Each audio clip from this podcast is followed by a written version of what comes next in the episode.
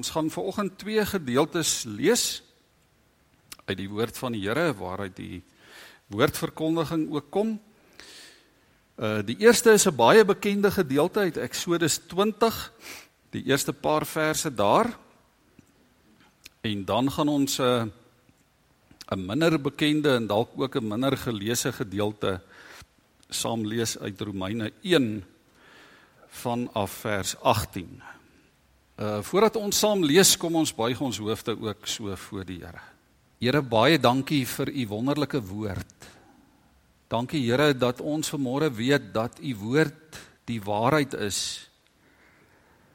Here dat u woord vir ons die brood van die lewe is. Dat in u woord, die geskrewe woord, die letters van hierdie boek ons die verlossing in Jesus ontdek.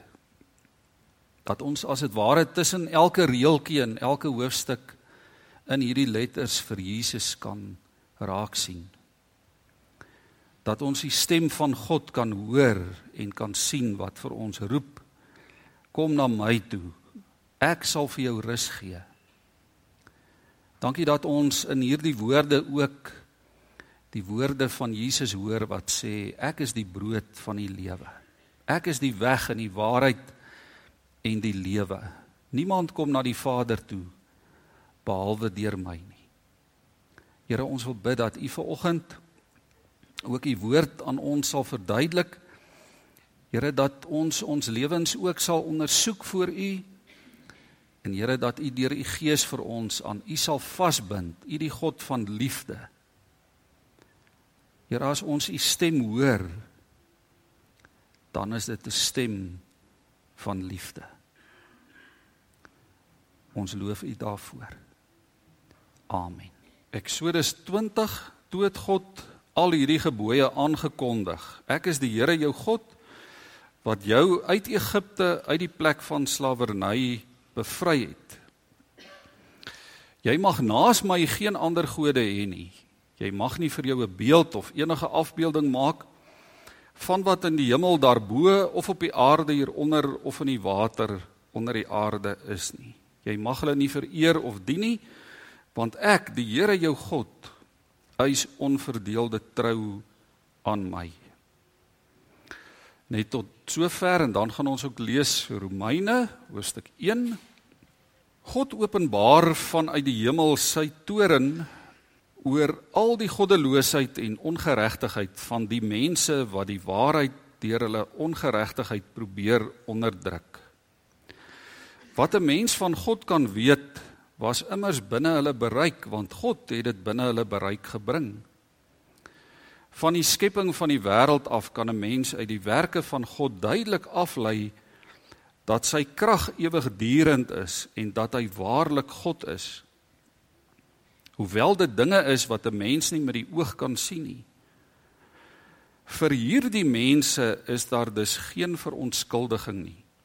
Omdat al weet hulle van God, hulle hom nie as God eer en dank nie. Met hulle redenasies bereik hulle niks nie en daar het gebrek um, en deur hulle gebrek aan insig bly hulle in die duister. Hulle gee voor dat hulle verstandig is, maar hulle is dwaas.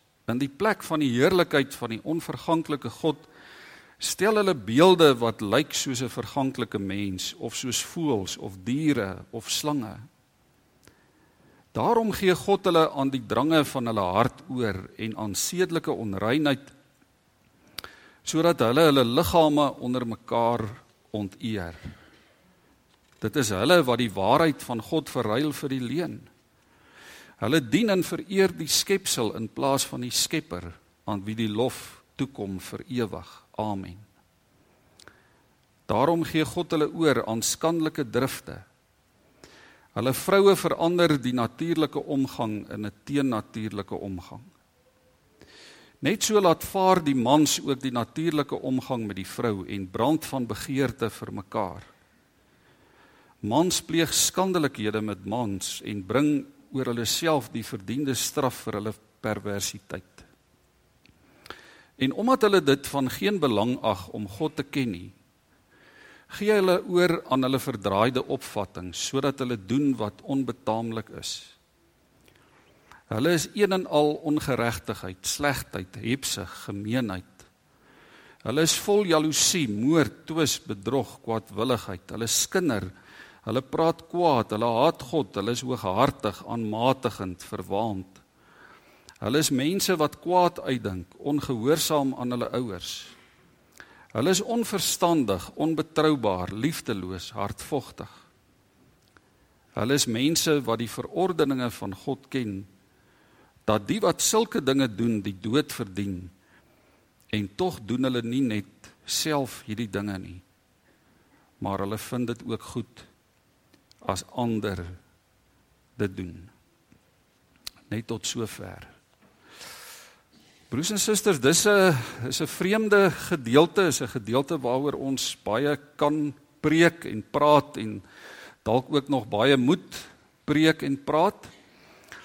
Ehm um, interessant dat dat Paulus hierdie gedeelte begin en hy hy hy verduidelik eers vir sy lesers wie God is.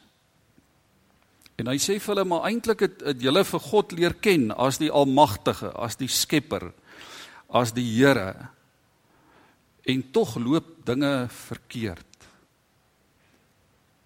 in die samelewing. Tog loop dinge verkeerd in in hulle wat God dan nie eer as die skepper of die koning se lewe nie.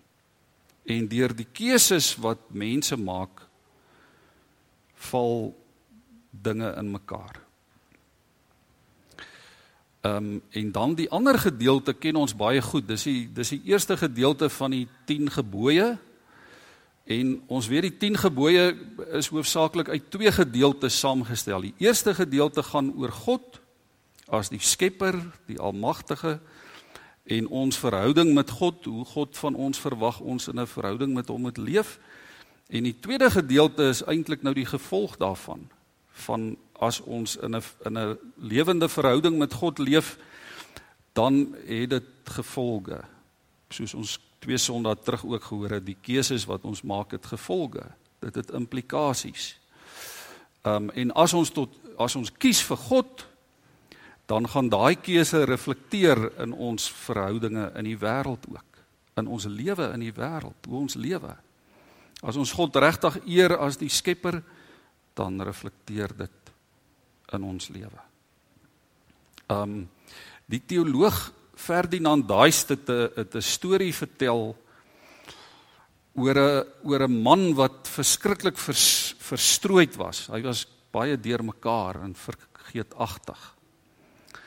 En so het hy elke oggend het hy 'n klomp minute daaraan gespandeer om om sy klere bymekaar te kry wat hy die vorige aand uitgetrek het met die doel om dit nou weer die volgende dag aan te trek, dan soek hy elke oggend vreeslik naastiglik na die klere sodat hy amper elke oggend laat was vir die bus wat hom werk toe moes vat. En so besluit hy toe eendag hy gaan nou 'n plan maak. Hy gaan elke aand soos hy sy klere uittrek, gaan hy 'n lysie maak van waar hy die klere neersit sodat hy die volgende oggend dit kan onthou en dit vinnig weer kan aantrek. En so begin hy die lysie die aand maak en hy skryf um sokkies in my skoene. Skoene onder my bed. Baadjie aan die hanger agter die kas agter die kamerdeur en so voort. Hele lysie maak hy die volgende oggend was hy woetswarts aangetrek sommer vinnig klaar en reg vir die bus. En net toe hy klaar aangetrek is, toe besef hy maar sy moeilikheid is groter as ooit tevore. En hy dadelik weer begin soek onder die bed, in die hangkas, in die laaie, agter die kamerdeur. Maar nêrens kon hy homself kry nie. Ons verloor onsself omdat ons vir God verloor. Ons skep wetend en onwetend skep ons klein afgoetjies om onsself gelukkig te maak. En die woord sê dis dis eers as ons terugkom na die ware ewige lewende God dat ons regtig lewe. Dat ons lewe regtig sin maak en waarde het en betekenis het. Eers dan gaan ons onsself vind in hierdie wêreld waarvan ons deel is. Eers as hy die middelpunt van ons lewe is en van ons bestaan is, eers dan maak ons lewe regtig sin. Dis die boodskap van die hele Bybel. 'n Mens kan jy kan aanhou en aanhou en aanhou om die water onder 'n druppende kraan op te droog. Dit gaan jou niks help nie. Dit gaan geen verskil maak nie. Jy sal iewers daai kraan moet regmaak. Ek dink die die geweldige probleme wat ons in ons land beleef en ons sien dit in Paulus se tyd ook. Paulus skryf sy briewe na aanleiding van dit wat wat deel was van sy tyd, dit wat gebeur het ook in die lewens van gelowiges. Ehm um, wil hy die gelowiges ook lei en vir hulle raad gee en sê maar lewe soos kinders van God. Lewe soos mense wat sê God is die prioriteit in ons lewe. En ek dink die geweldige probleme in ons land, die probleme in die wêreld, in ons gesinne, in huwelike, in persoonlike lewens, hoe ons ook al daaroor wil redeneer, kan direk teruggevoer word na ons eie selfgemaakte gode. Ons vergeet hoe belangrik is hierdie eerste deel van die 10 gebooie. Hierdie deel wat sê jy mag nie vir jou 'n beeld maak van enige enige iets 'n afbeelding van enige iets in die hemel daarbo of op die aarde hieronder of in die water onder die aarde is nie jy mag dit nie vereer of dien nie want ek die Here jou God eis onverdeelde trou aan my ons sukkel daarmee Ons sukkel met hierdie eerste deel van die 10 gebooie. Um want want ons voel so maklik dis dis irrelevant. Ons voel so maklik maar dis half verwyderd van die wêreld en van die tyd waarin ons lewe. Ons voel dis onprakties. Dit dit bring vir ons niks in die sak nie. Ons tree baie keer op asof asof dit nie 'n verskil maak in die wêreld in die samelewing om God alleen te eer en te dien nie. Ons sê ag daar's mos baie mense wat ander gode dien. En vanoggend gaan ons nou nie oor daai ander gode in fyn detail praat nie. Dit kan letterlik enige iets wees, groter of kleiner. Meer of minder sigbaar. Ons sê ag wat daar's da mos baie baie mense wat ander gode dien. Daar's baie mense wat wat beelde aanbid. Daar's baie mense wat nie 'n saak het met die Sabbatdag met die Sondag nie. Daar's baie mense wat nie God se naam eer en respekteer nie, wat dit misbruik. Daar's baie mense wat leef soos hulle wil asof God nie bestaan nie. Hoekom hoekom sal ek dan moeite doen? Wat 'n verskil maak dit regtig? Ons dink deesdae aan allerlei redes en in verskonings hoekom ons nie ons verantwoordelikhede teenoor God nakom nie. Daar's daar's baie gelowiges wat wat leef asof die erediens nie belangrik is nie. Of wat allerlei opinies het dalk oor die erediens. Daar's baie gelowiges wat leef asof die woord van God nie belangrik is nie. Ons lees dit nie altyd meer so getrou nie. Ons bid nie altyd meer so getrou nie. Ons hou nie ons stilte tyd nie. Ons doen nie moeite met ons verhouding met die Here nie. Die gemeenskap van die gelowiges is nie noodwendig vir ons so belangrik nie. Die tweede deel van die 10 gebooie verstaan ons dalk so 'n bietjie beter. Want dit het te doen met ons praktiese lewe van elke dag. Ons weet van moord. Ons praat baie daaroor. Ons weet van korrupsie, ons weet van egbreek, ons weet van diefstal en van steel en van oneerlikheid. Rondom die braaivleisvure is dit baie keer alwaaroor ons praat. Ons weet daarvan. Dis aktueel of ons dink ons weet. Dis dinge wat elke dag deel is van ons lewe en van ons wêreld. Ons weet van die aanslag op die huwelik en op die gesin.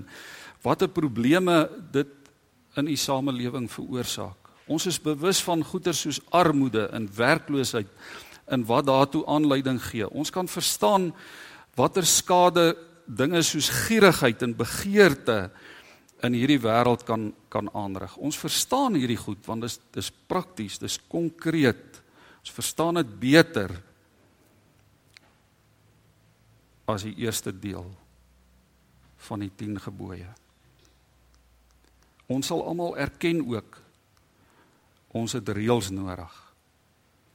En ons het wette nodig. En ons het gebooie nodig om ons lewe te te rig sodat ons sinvol en in vrede en in liefde kan leef. Ons sê almal dis nodig. Moord was te veel daarvan. Egbreek te veel daarvan. Diefstal, korrupsie, wanpraktyke is te veel daarvan. Wette moet terugkom, die doodstraf moet terugkom. Hierdie tweede deel is aktueel.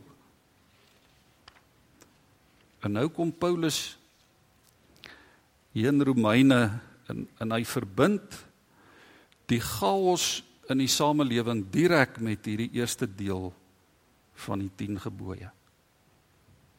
Hy koppel dit direk aan mekaar. Hy sê die mens dien die skepsel in plaas van die Skepper aan wie die lof en die eer toekom. Hy sê as dit ware alles in die samelewing loop skeef omdat ons primêre verhouding met God skeefloop. Ons kan nie ons liefde vir God en ons lewe van elke dag van mekaar losmaak. Ons kan dit nie van mekaar skei nie. As as ons dit doen, noem Paulus hierso 'n klomp praktiese goed. Hy sê dit lei tot sedelike onreinheid, skandelike drifte, onbetaamlikheid, ongeregtigheid, slegheid, hebsug, gemeenheid, jaloesie, moord, twis, bedrog, kwaadwilligheid, skinder, kwaadpraatery, haat, hooghartigheid, aanmatiging, verwaandheid, ongehoorsaamheid, onverstandigheid, onbetroubaarheid, liefdeloosheid, hardvogtigheid. As ons as ons God losmaak van ons lewe van elke dag. As ons sê ons ons is kinders van God, maar ons leef nie soos kinders van God nie. Of ons leef nie soos mense vir wie God regtig belangrik is nie. Ons maak nie tyd vir God nie. Daar's altyd die gevaar dat ons God in ons eie vorm probeer indruk, probeer giet. Dat ons 'n God probeer skep ook wat by onsself pas. Terwyl die Here op die berg met Moses besig is en vir Moses sê ek is jou God en ek is die God van jou volk ek is ek is julle bevryder God bewys dit ek het julle uit Egipte uit gered ek is nog altyd daar al die jare deur al die eeue sorg ek vir julle. Terwyl God met Moses besig is maak die volk 'n goue kalf. En die ouens wat weet sê daai kalfie was nie eers 'n meter by 'n meter groot nie. Hulle maak al hulle goud en al hulle edelgesteentes bymekaar en hulle bou daai kalfie en hulle aanbid hom. Hulle hulle sonde was dat hulle God wou maak soos hulle gedink het hy moet wees. Soos wat hulle wou gehad het hy moet lyk. Die vraag vanoggend is maar net Hoe lyk jou en my goue kalvers? Hoe lyk jou goue kalvers? Wie of wat is God in jou lewe? Is dit jouself? Is dit die eie ek? Dink die die ergste van alle afgode is juis die die eie ek. Waarop of op wie stel ons ons vertroue? het jy die enigste ware God regtig nodig. Regtig nodig. Sodat jy vanmôre hier kan sit en met die Here 'n gesprek kan hê en sê Here, sonder U kan ek nie lewe nie. Sonder U is ek niks leef en werk en praat en doen jy soos iemand wat vir God nodig het? Of is hy vir jou 'n noodwiel? 'n geleentheidsvriend? 'n gerieflikheidsgod wat jy dink jy kan manipuleer? Here, verlos my deur u gees van myself.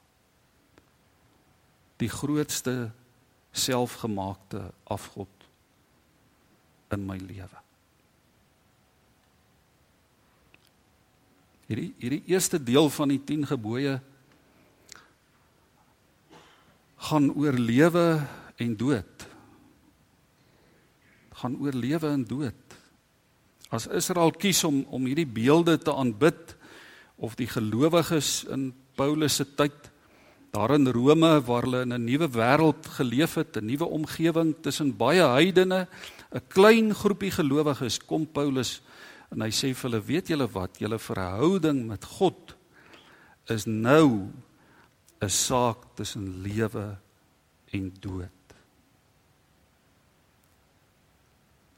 As jy kies om beelde te aanbid, dan kies jy teen die God wat vir julle hoop en nuwe 'n nuwe lewe gee. As jy as jy kies om hom te verwaarloos, om hom in 'n ander vorm te giet, dan kies jy die dood. Habakuk 2 vers 18 vra die profeet Habakuk nogal wat is 'n afgod? Wat is die nut van 'n afgod? Dis maar net iets wat deur 'n mens gemaak is, 'n beeld waarvan net bedrog te wagte kan jy net bedrog te wagte kan wees. Wat baat dit die maker om op sy maaksel te vertrou as hy 'n afgod gemaak het wat nie eers kan praat nie. Elende wag vir hom wat vir 'n stuk hout sê word wakker of vir 'n dooie stuk klip staan op. Kan 'n afgod jou iets leer? Al is hy met goud of silwer oorgetrek, daar's geen lewe in hom nie. Hy's dood. Ons ons kan ons persepsies van wat reg is en wat goed en mooi en aanvaarbaar is op die mooiste manier oortrek. Met die met die mooiste papier in die mooiste vorm giet dit dit bly nog steeds dood. Dit bly nog steeds leweloos. Jesaja spot eintlik met die met al die afgode. Die afgode wat nie eers self kan loop nie. Daar in Jesaja 46 sê hy hulle tel hom op hulle skouers en dra hom. Hulle sit hom op sy plek neer en hy staan daar. Hy kan nie eers van daai plek af pad gee nie. As iemand na hom roep, antwoord hy nie. Hy help hom nie uit sy nood nie. Daar's 'n daar's 'n keuse. Maak jou eie God en dien hom. Hy kan jou nie red nie, sê die woord van die Here. Of kies en dien die ware lewende God. Die God wat vir ewig getrou bly, die God waarvan die doop getuig. Elke keer as ons hier staan met 'n klein babatjie dan dan sê dit wat hier gebeur die dieper betekenis daarvan in hierdie ruimtetjie waarvan ons deel is sê God bly getrou is die moeite werd om met die om met die God van die water 'n pad te loop. Dis die moeite werd. Dis 'n dis 'n keuse. Enige skepping van ons eie harte, van ons gedagtes, van ons lewenstyl wat belangriker is as God word 'n afgod. Hoe moet ons maak? Wat wat vra die Here van ons? God roep ons eenvoudig om self ook om self sy beeld te wees. Ehm um, dan Genesis 1 vers 27 staan daar God het die mens gemaak as sy verteenwoordiger. As beeld van God het hy die mens gemaak. Ehm um, man en vrou het hy hulle gemaak. staan daar ook nogal. Daaroor kan ons later weer praat. God het die mens geskep as sy verteenwoordiger, as beeld van God. Ons moet tot sy eer lewe. Ons moet sy beelddraers wees. Die woord is vol daarvan. Efesiërs 4 vers 23. Julle gees en julle gedagtes moet nuut word. Lewe as nuwe mense wat na die beeld van God geskep is, lewe volkome volgens die wil van God en wees heilig. In hierdie deurmekaar wêreld waar daar baie goed is wat ons nie verstaan nie en ons baie keer voel maar ek kan links en regs nie by mekaar uitbring nie. Wees beeld van God. Wees anders. Wees heilig. Kolossense 3 vers 9. Julle het met die met die ou sondige mens en sy gewoontes gebruik. Julle lewe nou die lewe van die nuwe mens wat al meer vernuwe word na die beeld van sy Skepper en tot die volle kennis van God. God is ook elke dag besig soos die pottebakker met die klei besig is om ons te maak en te vorm sodat ons kan lyk en kan wees soos hy wil hê ons moet wees. 2 Korintiërs 3 vers 3.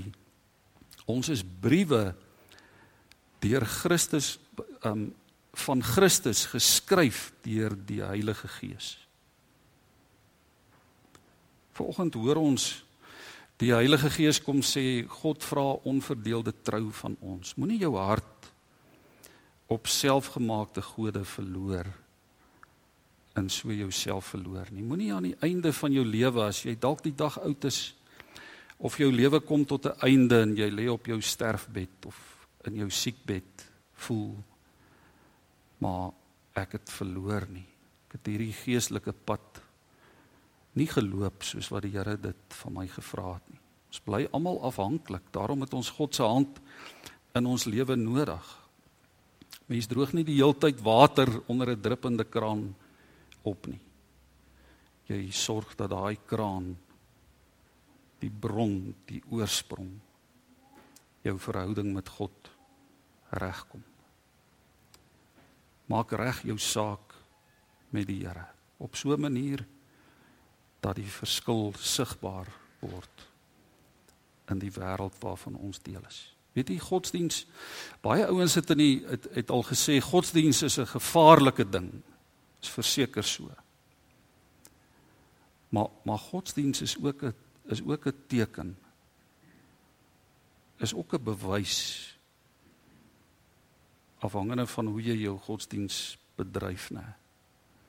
Van hoe lief jy vir God is. En hoe nodig jy vir God het. Nou, hoe kan godsdiens daar bo op die berg ook bedryf?